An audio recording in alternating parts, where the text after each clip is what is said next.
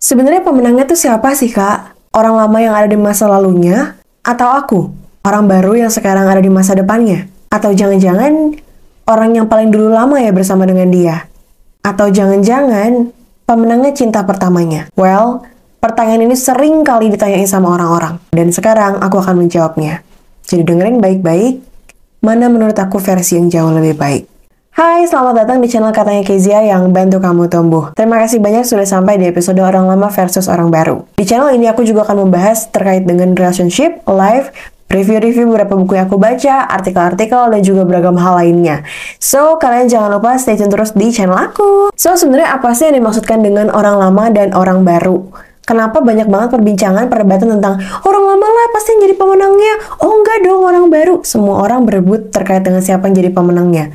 Sampai kadang tuh aku pusing banget kalau misalnya aku buka TikTok, orang-orang tuh pada bilang, orang lama, orang baru, orang lama, orang baru. Kenapa sih? Kenapa kalian harus berdebat terus untuk bilang siapa yang bakal jadi pemenangnya? Untuk versus dari orang lama, orang-orang itu akan bilang gini, well, orang lama itu akan selalu punya tempat di hati ini dia nggak akan pernah digantikan. Seberapa banyak orang baru itu berusaha hadir, jika dia masih belum berakhir, cinta ke orang baru itu nggak akan pernah bisa dimulai. Aku terlalu nekat. Padahal aku udah tahu pemenangnya masa lalu kamu. Mau sebaik apa pun orang baru, tetap orang lama yang bakal jadi pemenangnya. Karena masa lalunya jauh lebih cakep, lebih baik, lebih pintar, lebih sempurna daripada aku. So she is the winner. Dia selalu melakukan apa yang lebih daripada yang aku lakukan. Aku masih ada rasa, tapi aku nggak pernah bisa maksa. Kangen sama seseorang yang harusnya kita lupain itu nggak enak banget ya.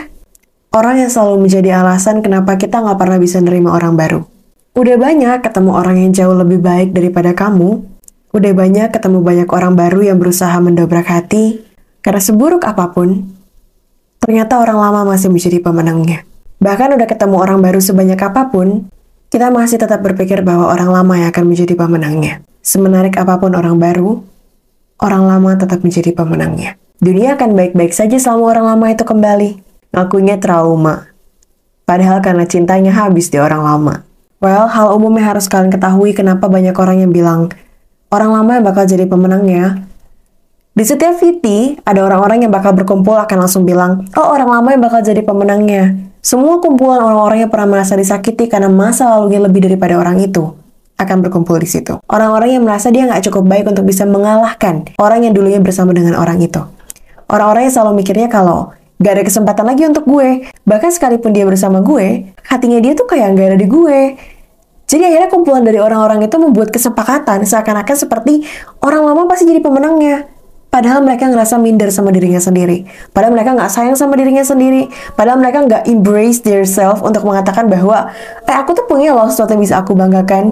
Aku tuh juga cukup loh berbahagia ada nggak adanya kamu. Mereka nggak cukup kuat untuk bisa mengatakan hal itu, sehingga mereka berkata, orang lama jadi pemenangnya. Dan yang kedua, alasan kenapa orang-orang itu bisa berkata orang lama jadi pemenangnya, adalah karena orang yang sekarang bersama dengan dia masih belum bisa melupakan masa lalunya. Well, aku udah sampai bosen, aku sering kali bilang, please, kalau kamu belum bisa untuk lanjut kepada tahapan hubungan berikutnya, jangan sampai luka di orang lama itu belum kamu sembuhin, kamu udah langsung ibarat kata kalau kasarnya kamu disikat lagi ke orang baru. Lihat kan sekarang akibatnya apa? Kamu membuat orang lain jauh lebih terluka. Sampai akhirnya mereka membuat persekutuan, perkubuan. Mereka mengatakan kalau orang yang lama yang jadi pemenangnya. Karena apa? Karena mereka sakit hati.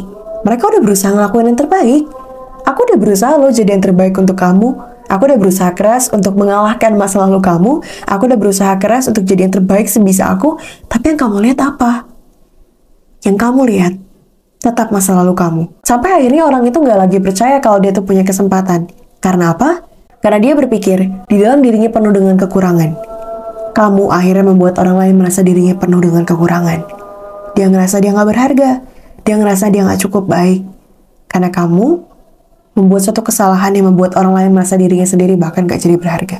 Bisa lihat kan seberapa berdampaknya kata-kata dan juga perbuatan yang kamu lakukan terhadap orang lain kalau kamu belum selesai sama selalu kamu? Well, di sisi lain dari orang baru, ada orang yang lama yang berkata orang baru yang jadi pemenangnya. Kenapa? Karena orang yang dulunya bersama dengan dia, itu ngetrit perempuan ataupun laki-laki itu jauh lebih baik. Dia kelihatan lebih bahagia ya dibandingkan dia sama aku. Kelihatannya seperti itu. Kita nggak bilang aslinya seperti itu ya. Aku juga nggak tahu kan hubungan kamu seperti apa. Tapi kelihatannya kok dia jauh lebih happy sih dibandingkan sama aku. Kelihatannya kok dia kayak gini, kelihatannya kok dia kayak gitu sampai akhirnya kamu overthinking sendiri. Kamu langsung mikir, oh iya ya ternyata orang baru yang jadi pemenangnya. Karena lihat, dia sekarang dia bahagia. Sekarang dia punya kehidupan yang ternyata dia banyak explore hal lain. Dia nemuin passionnya dibandingkan dia bersama dengan aku dulu. Terus akhirnya orang lama itu justru menjadi insecure. Kumpulan dari orang lama itu akhirnya membuat kubu lagi. Mereka buat kubu orang baru yang jadi pemenangnya. Nggak ada habisnya. Kalian mau bandingin dari satu hal ke satu hal ke satu hal. Tetap aja ada orang baru, ada orang lama, semuanya akan berputar-putar seperti itu. Di sisi lain orang baru, akan ada orang-orang yang berkata begini. Banyak yang bilang kalau orang lama adalah pemenangnya. Tapi bagiku, nggak selamanya orang lama itu akan jadi pemenangnya. Apalagi ketika orang itu udah benar-benar selesai dengan masa lalunya, maka orang barulah yang akan menjadi pemenangnya. Dan orang-orang yang berkata, sebaik apa pun orang baru, orang lama akan tetap jadi pemenangnya. No, this is wrong. Orang lama akan kalah dengan orang baru. Apalagi ketika bersama dengan orang baru dia jauh lebih bahagia. Buat apa dia bersama dengan orang lama kalau isinya hanya membuat dia sakit dan tidak percaya? Cinta sama orang boleh, tapi jangan sampai kehilangan akal sehat. Dunia kan luas. Jangan stuck sama orang yang cuma bisanya nyakitin kamu. Well, singkatnya sebenarnya orang-orang yang selalu mikir orang lama yang jadi pemenangnya itu terjadi karena apa? Ada yang tahu? Mereka yang selalu bilang orang lama yang akan jadi pemenangnya adalah mereka yang penuh dengan ketakutan. Mereka yang takut kisah mereka di orang lama akan dimulai kembali dengan orang baru. Mereka takut trauma mereka diulang kembali dengan orang yang berbeda. Singkatnya, kamu masih memiliki ketakutan itu tapi kamu tidak sadar. Jadi kamu selalu berpikir bahwa orang lama akan jadi pemenangnya.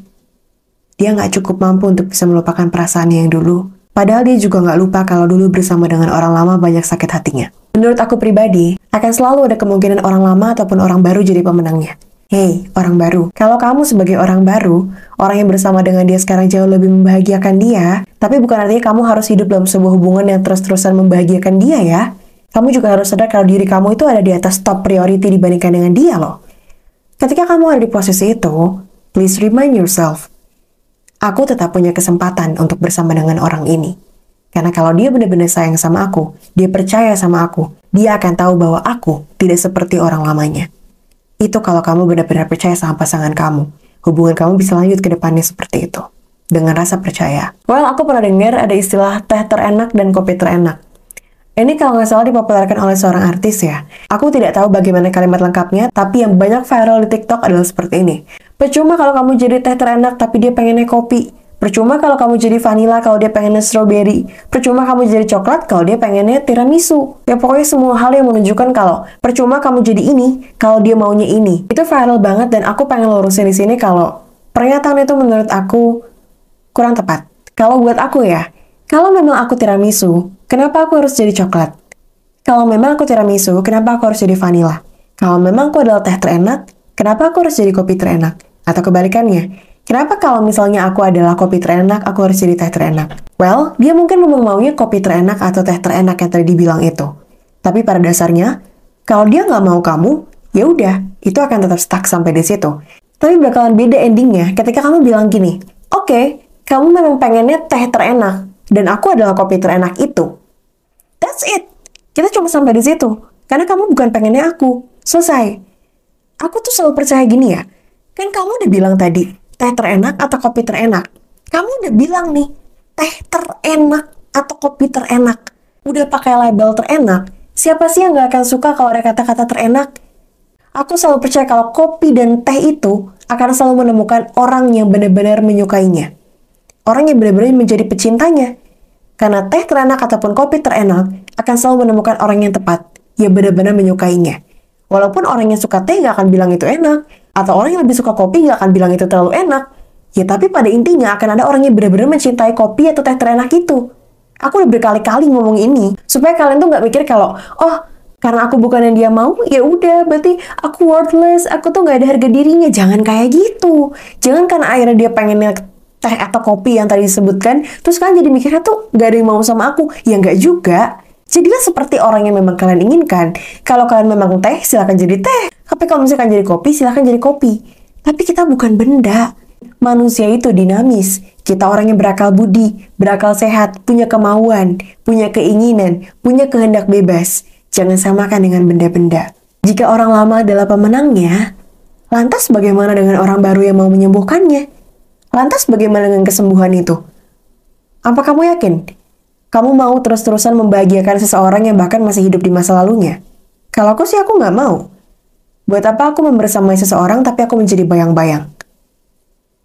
Kalau buat aku, masing-masing orang itu menjadi pemenang di zamannya itu. Orang lama akan menang di masa lalunya, orang baru akan menang di masa depannya. Mungkin orang baru juga akan berakhir menjadi orang lama. Gak ada yang pernah tahu loh ya kalau mungkin ke depannya ternyata takdirnya kamu gak sama dia. Terus kamu yang tadinya udah sibuk berdebat, oh ternyata dia masa lalunya yang menang, oh orang barunya. Ternyata dia balik lagi ke kamu atau ternyata dia pergi dari kamu. Mereka berdua akan selalu jadi favorit di zamannya sendiri. Asalkan orang yang bersama kamu adalah orang yang bisa menghargai. Kalau kamu bersama dengan seseorang yang bisa menghargai kamu, dia nggak akan membawa masa lalunya dalam hubungan kamu. Tapi mau tahu nggak dibalik semua itu, aku bakal bilang siapa yang jadi pemenangnya. Aku akan bilang yang jadi pemenangnya adalah orang yang tetap tenang di dalam setiap prosesnya. Orang yang tidak perlu melibatkan orang baru dalam proses move on-nya orang yang tetap mencapai apa yang dia inginkan meski nggak bersama dengan orang itu. Memang benar, sekarang kita lebih butuh tenang daripada senang. Terlihat kan mana yang lebih berkualitas? Yang sibuk memperbaiki diri, atau justru yang sibuk mencari pengganti? Kamu harus bangga sama diri kamu sendiri kalau kamu dalam proses melupakan itu nggak melibatkan orang baru, ataupun kamu nggak stuck dalam suatu kondisi kamu nggak mau melupakan dia. Loh, terlihat kan mana yang lebih berkualitas? Tanpamu dia butuh orang baru, Tanpanya, kamu lebih sibuk memperbaiki diri. Kamu sekarang udah bisa ngetawain dia. Cie, udah gak marah. Udah punya orang baru ya? Selamat! Atau, Cie, balikin lagi ke mantan kamu. CLBK lagi ya? Selamat! After a month, kamu ngerasain dada kamu sesek, jantung kamu berdebar-debar kencang, kamu bener-bener nangis setiap malam, kamu gak punya waktu untuk diri kamu sendiri, sekarang kamu ngerasain yang namanya final chapter. Kamu yang berusaha untuk mengalihkan diri ke banyak hal, berusaha menjadi lebih baik. Hey, Gak ada yang lebih menyenangkan ketika kamu berdiri di depan kaca, kamu melihat versi terbaik dari diri kamu yang sesenang itu dengan diri kamu yang sekarang. Kamu yang belum selesai sama masa lalu, ya selesaikan. Kamu yang sekarang sudah selesai dengan masa lalu kamu, silahkan menerima orang baru lagi. Jadi nggak ada istilahnya orang lama atau orang baru yang menang. Kalau menurut aku, orang yang tetap tenang dalam setiap prosesnya adalah orang yang jauh lebih keren. Adalah mereka yang tetap berusaha menjadi baik meskipun keadaan gak baik sama mereka. Orang-orang yang seperti ini, ketika nanti berhubungan dengan orang ini, kamu gak akan pernah nyesal. Karena mereka udah menemukan diri mereka sendiri sebelum mereka bersama dengan kamu. Karena memiliki pasangan yang utuh, itu adalah pasangan yang sangat menyenangkan. Orang yang udah tahu dirinya mau dibawa ke mana, tujuan hidupnya apa, dan tahu seberapa berharga dirinya. So, tapi nggak ada juga yang salah yang namanya orang baru salah, orang lama salah, orang pertama salah, orang terlama salah, ya nggak juga. Kembali lagi, Masing-masing pasangan punya rulesnya sendiri, masing-masing orang punya caranya sendiri. Dan masing-masing kisah akan berbeda timelinenya. Jadi nggak ada yang ultimate bener dari apa yang aku sampaikan. Kan masing-masing balik lagi ke kamu. Sampai kamu bisa ambil sisi lain dari apa yang aku sampaikan. Oh ternyata orang lama ngalamin ini, orang baru ngalamin ini, dan orang yang ternyata berusaha untuk bisa sembuh tanpa orang baru seperti ini. Dan semoga videoku ini bisa membantu kamu ya. So, tetap tenang di setiap proses kamu, meskipun kamu sekarang ada di tengah gempuran orang-orang yang bucin. Oh ya, buat kalian yang mau order buku aku, buku ini buku bersorak bahagia judulnya dengan nama pena aku Langit Biru. Udah ada di seluruh Gramedia Indonesia ataupun ada di semua toko-toko buku online. Kalian bisa langsung temuin buku ini di mana pun itu. Buku ini bukunya hardcover dan juga penuh dengan color. Ini semuanya quotes-quotes tentang cinta. Jadi jangan lupa teman-teman langsung order. Hmm, wangi banget lagi. Ini juga tebal banget ya bukunya. Jadi kalian semua nggak akan rugi kalau punya buku ini. Dan jangan lupa kalau yang udah beli, tag aku di katanya Kizia dan juga di bersorak bahagia nanti akan aku repost. Dadah! Terima kasih teman-teman. See you on the next video.